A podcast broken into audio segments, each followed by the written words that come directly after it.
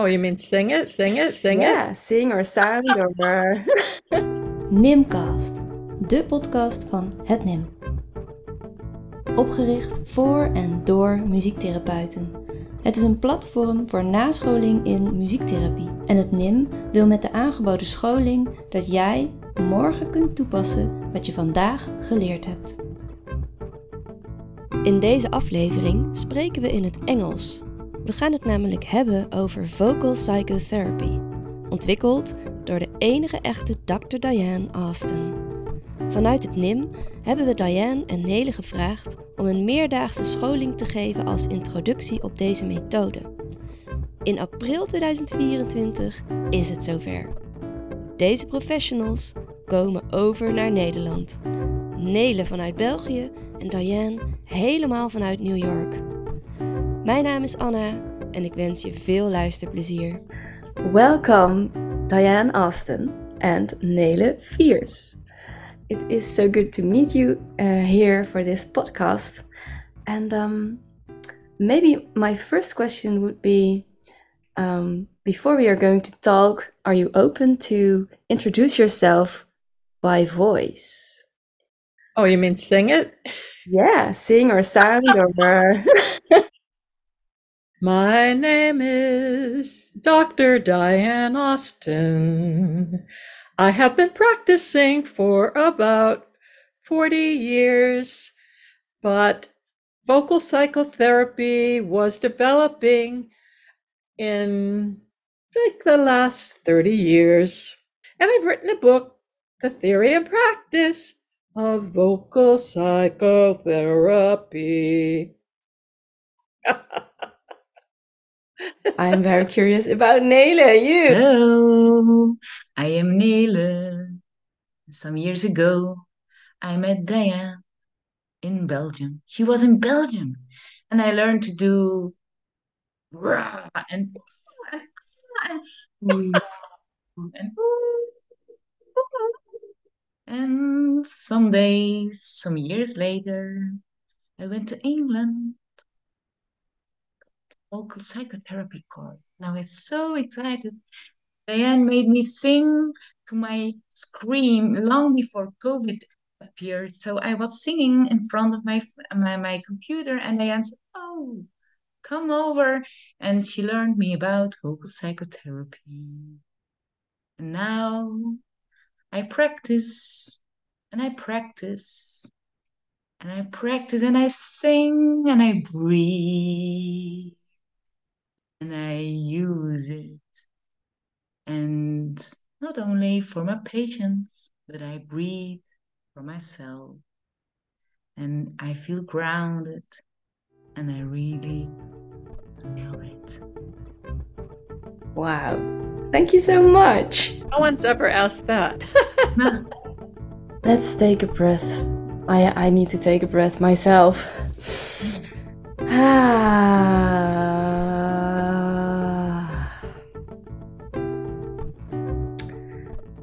Diane, you already introduced something about your practice. Mm-hmm. But was there a certain point where you felt like, oh, the voice is therapeutic?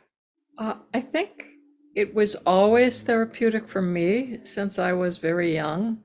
So, and then I sang had a career as a singer, and it just brought me such fulfillment. I just felt so whole singing. I tried acting in musicals and I, I didn't like to act. I wanted to be myself. So I knew it was important. And I wrote my own songs. And I felt I could express everything through singing. So, yeah, it's always been with me. Mm-hmm, mm-hmm. And when was this point that you wanted to help people with it?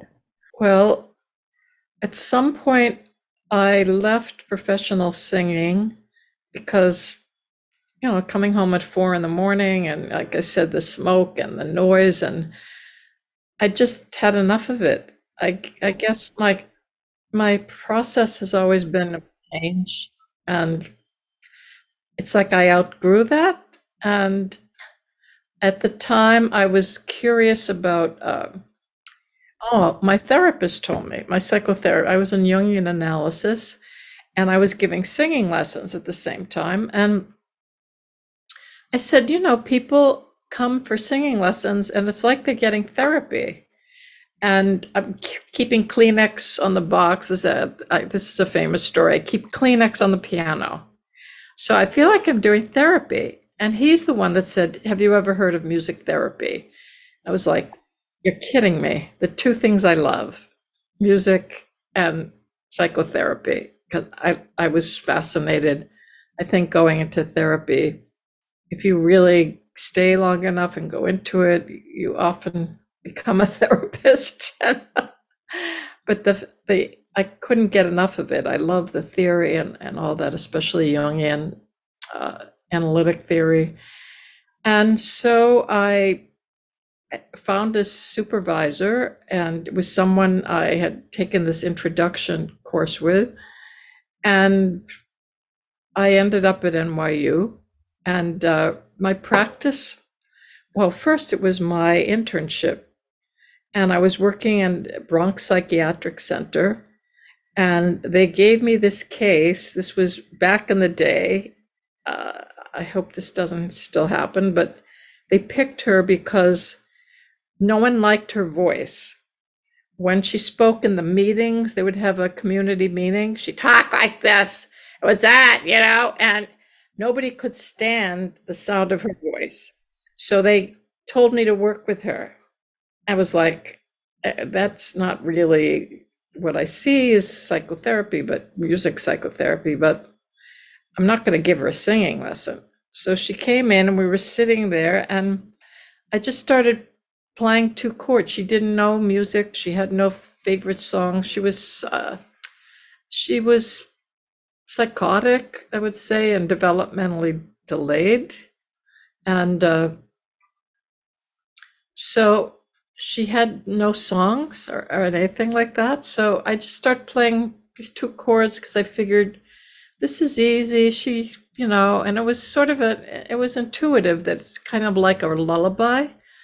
And then, you know, she looked at me and I just went, you know, I looked at her and she, I said, la, la, and she started going, la, la, la, and we sang. And this went on for a long time.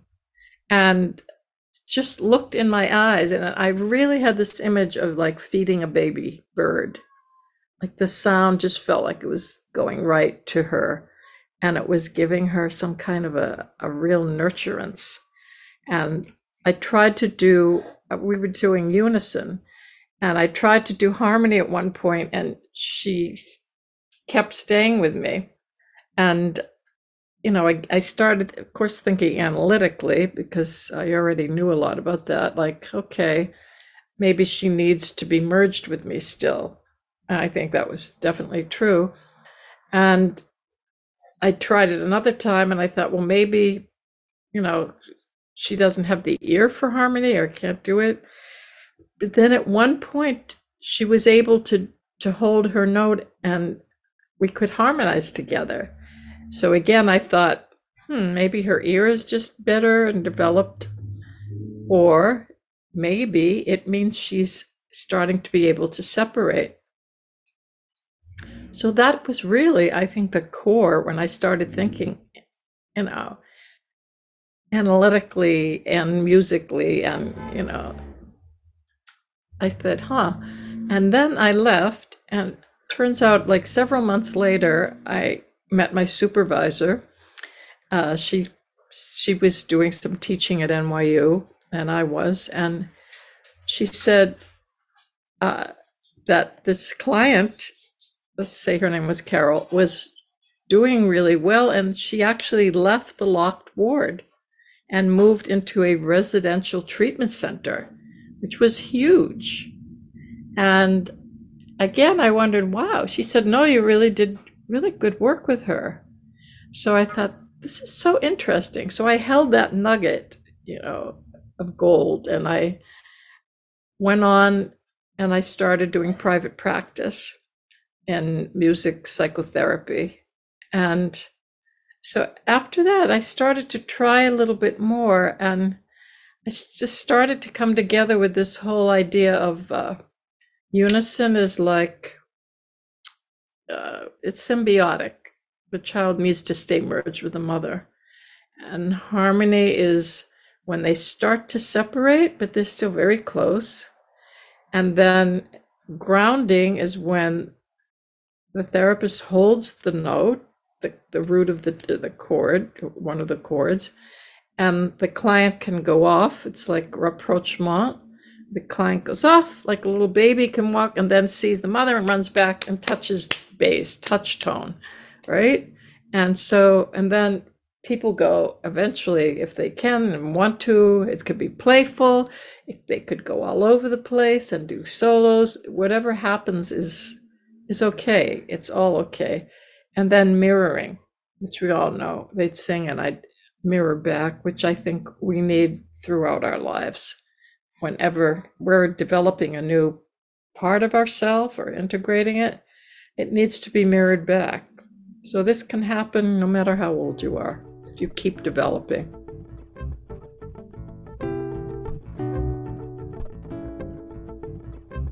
Is it uh, something new, or do you think this is something actually very old, but you gave it a name and searched it, or uh, made it clinical? Um, what are, what are your comments on this? Or Nele, maybe you want to answer. It.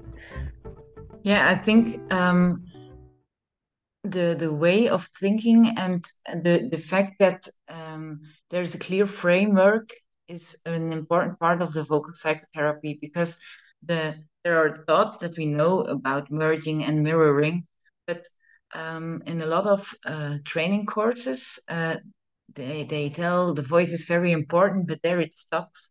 And with the vocal psychotherapy, for myself, I found a framework to really go uh, to work with patients with voice or work towards um, like free associative singing and and um, vocal holding. Um, and I like to call it a framework and not a technique because for me a technique feels too technical and too too much like a protocol.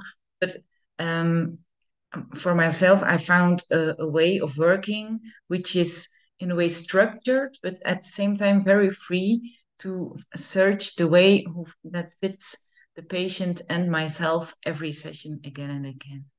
Mm. Mm. Yeah, that's very important because it's not a recipe.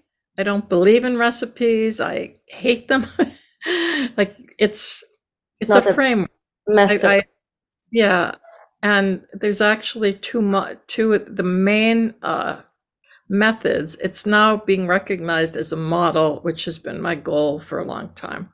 Mm-hmm. And so in the model, there are two main methods, and Nele just mentioned them. One is the vocal holding, is what I'm talking about with looking at it developmentally. But the core of this whole thing, what makes it so deep and so original, is free associative singing so, free associative singing is when words enter this process.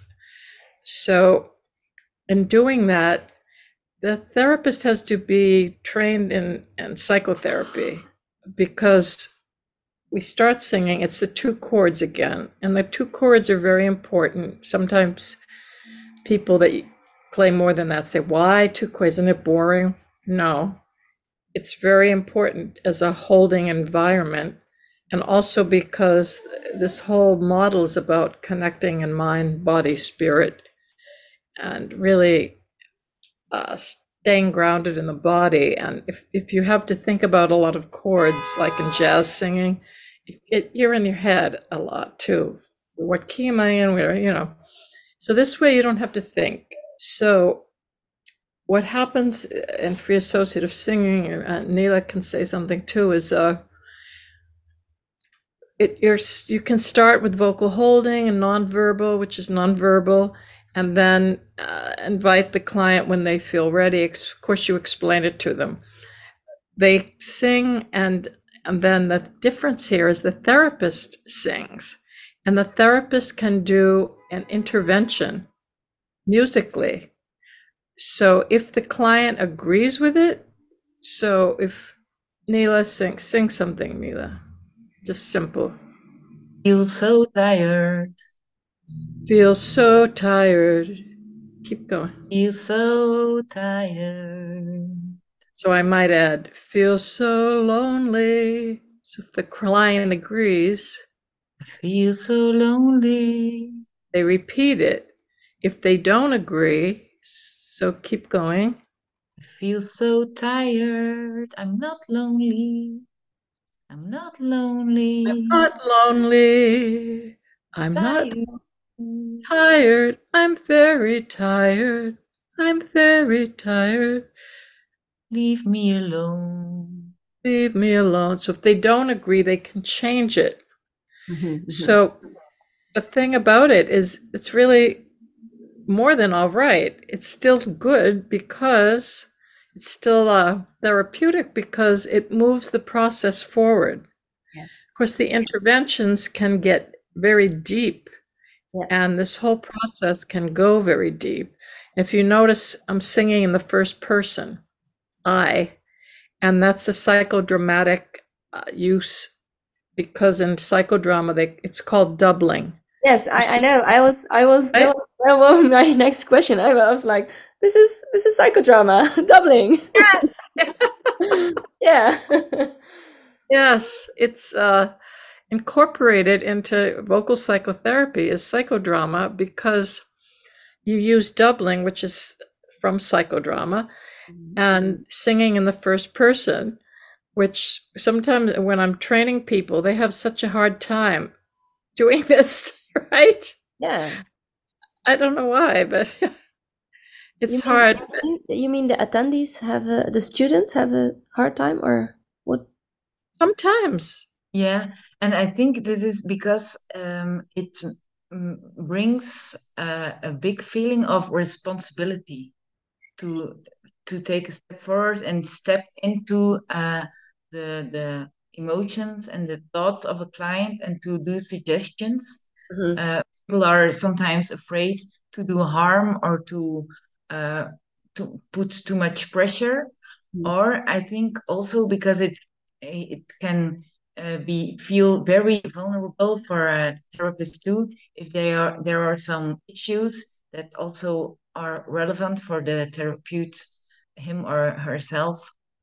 Uh, and I think the the difference between the psychodrama and the the vocal psychotherapy is in fact the part of singing too because in in psychodrama you you you, you also can move more around but in, in vocal psychotherapy you're as a therapist you're stuck to the piano because you need the piano so it's it's very clear and you you you cannot escape so you need to be ready to dive into the the whole situation Uh-huh, uh-huh. Okay, so I I already have some questions. You need to have the piano.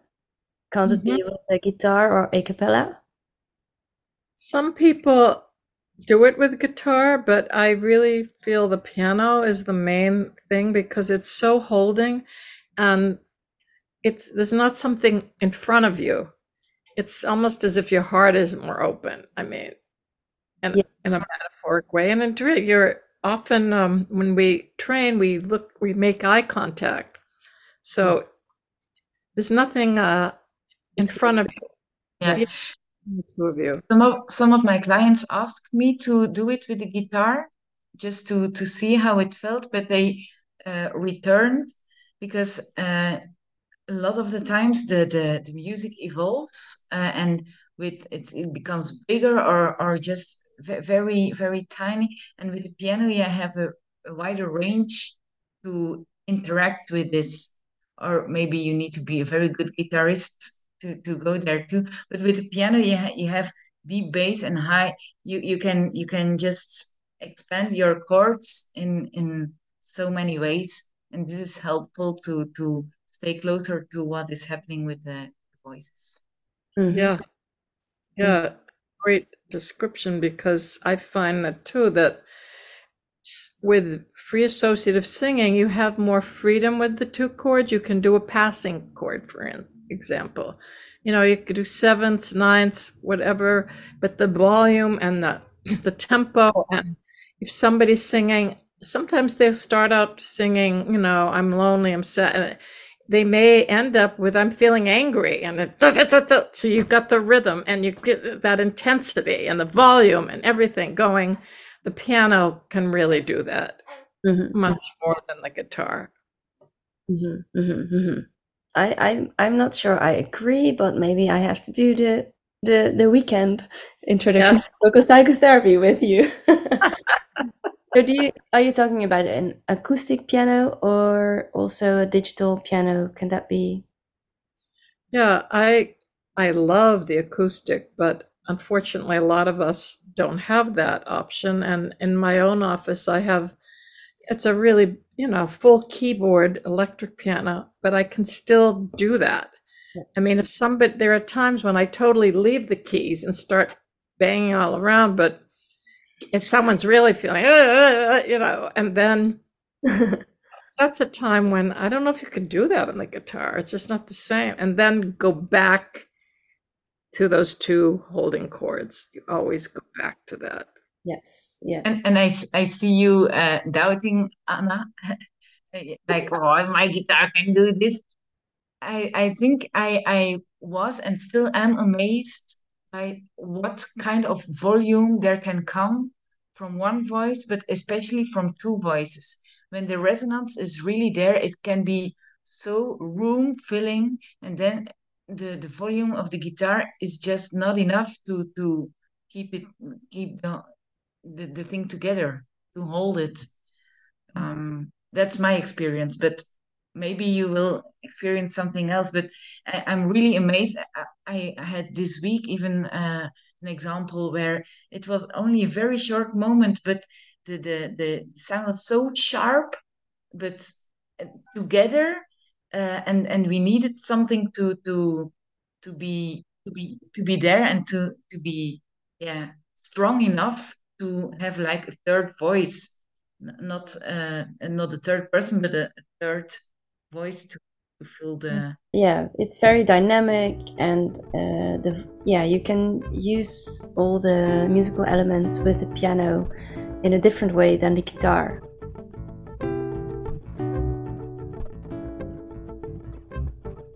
You are specifically uh, specifically talking about a method of the vocal therapy, and that is the free associative singing.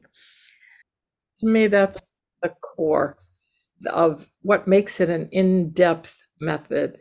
And some people have written about it as a, an in-depth method.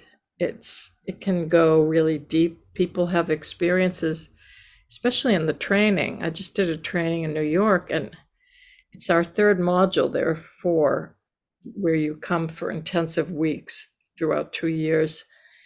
And the growth is it's just incredible. I have one of my um, uh, trainees with me, and she was blown away. She said, "I can't believe what they're they're going through, what they're accomplishing. This this woman is getting ready to leave her husband now, and she's."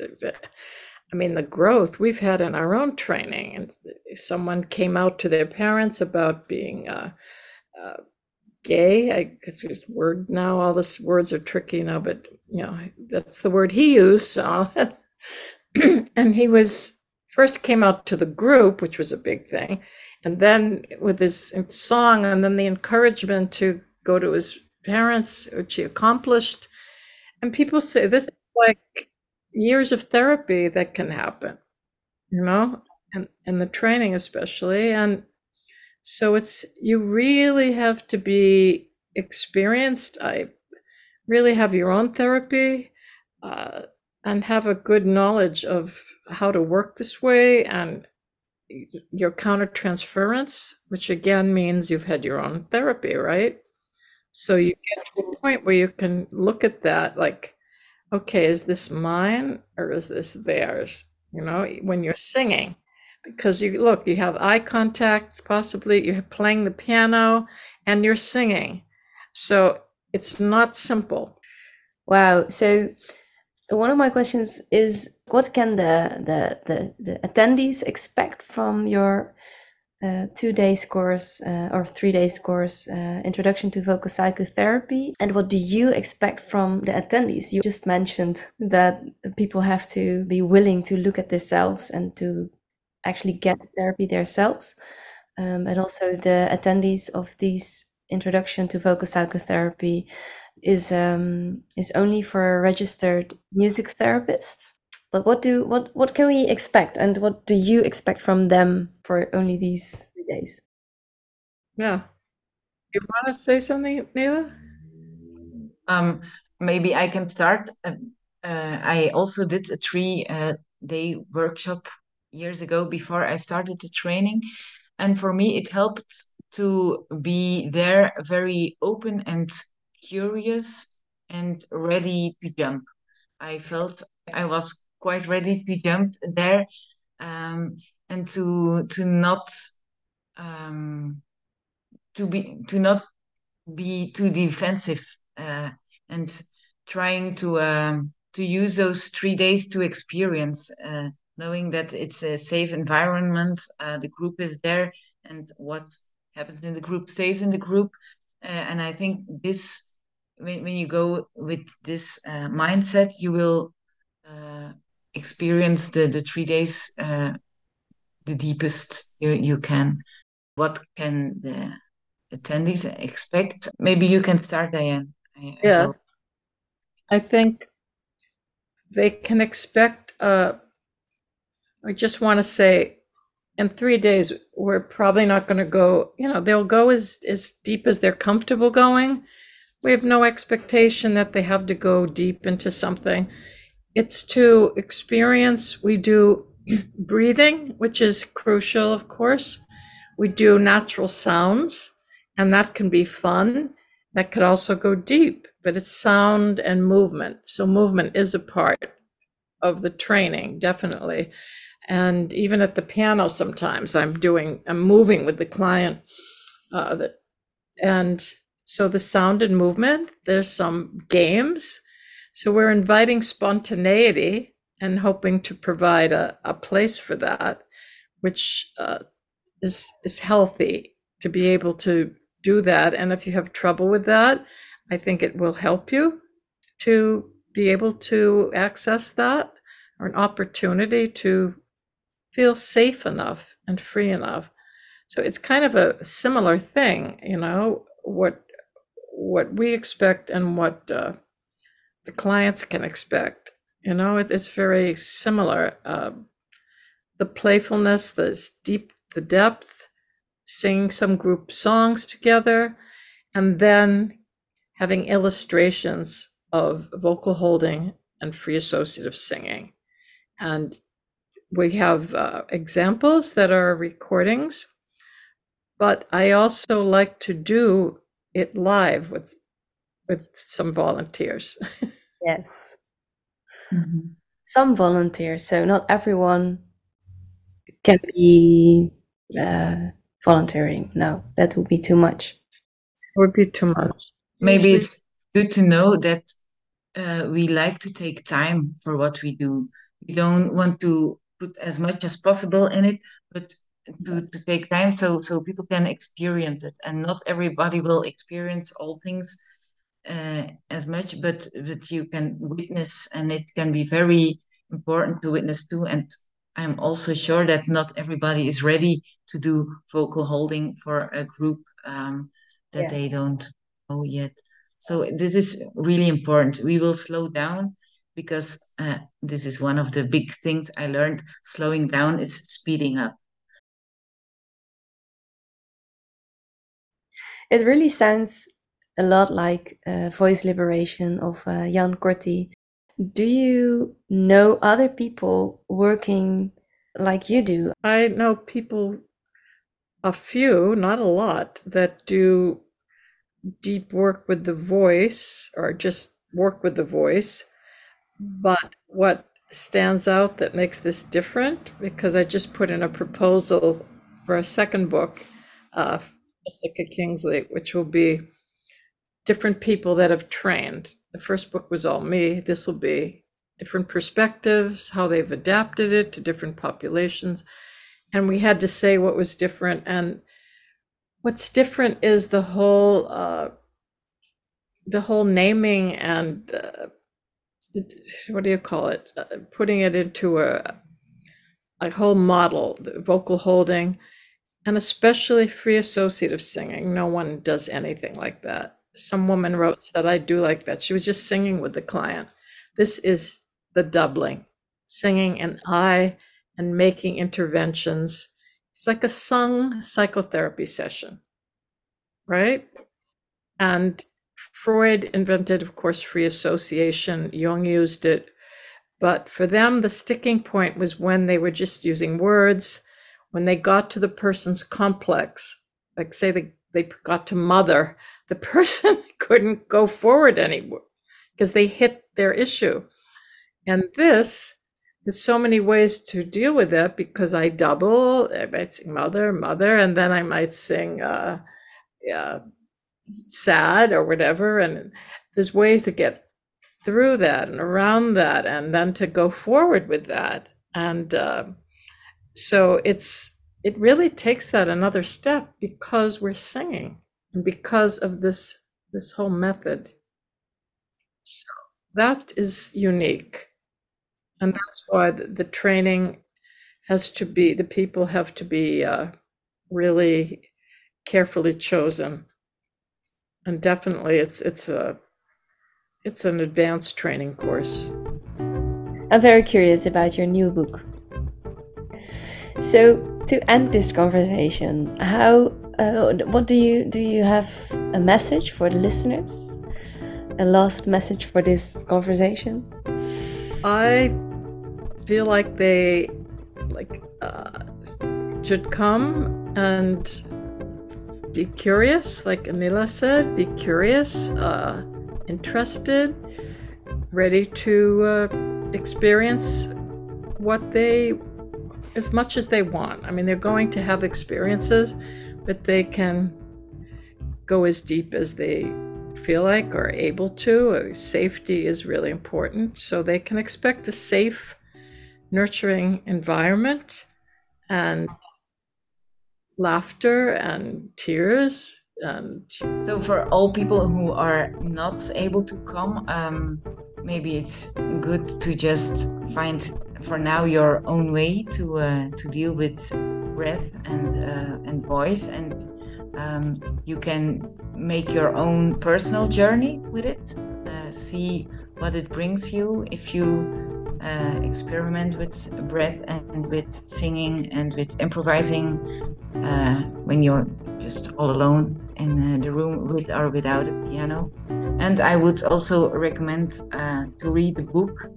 Uh, it does it really does not make you a, a vocal psychotherapist but it it it was inspiring for me to read, and uh, maybe uh, one day we will meet. And you know, um, for the people in uh, in the Netherlands, uh, Belgium is not so far away. There are some vocal psychotherapists now in uh, in Belgium, so who knows what we can do later on. Feel free to reach out. Nele Fiers and Dr. Diane Austin, thank you so much for for this conversation. And um, yes, I'm really looking forward to meet you both in the introduction to vocal psychotherapy. Yes, je bent aanbeland bij het einde van deze podcast. Heb je vragen of opmerkingen? Stuur dan je mail naar post@hetnim.nl. Bedankt voor het luisteren en ik hoop je ergens te zien tijdens een van de trainingen van het NIM.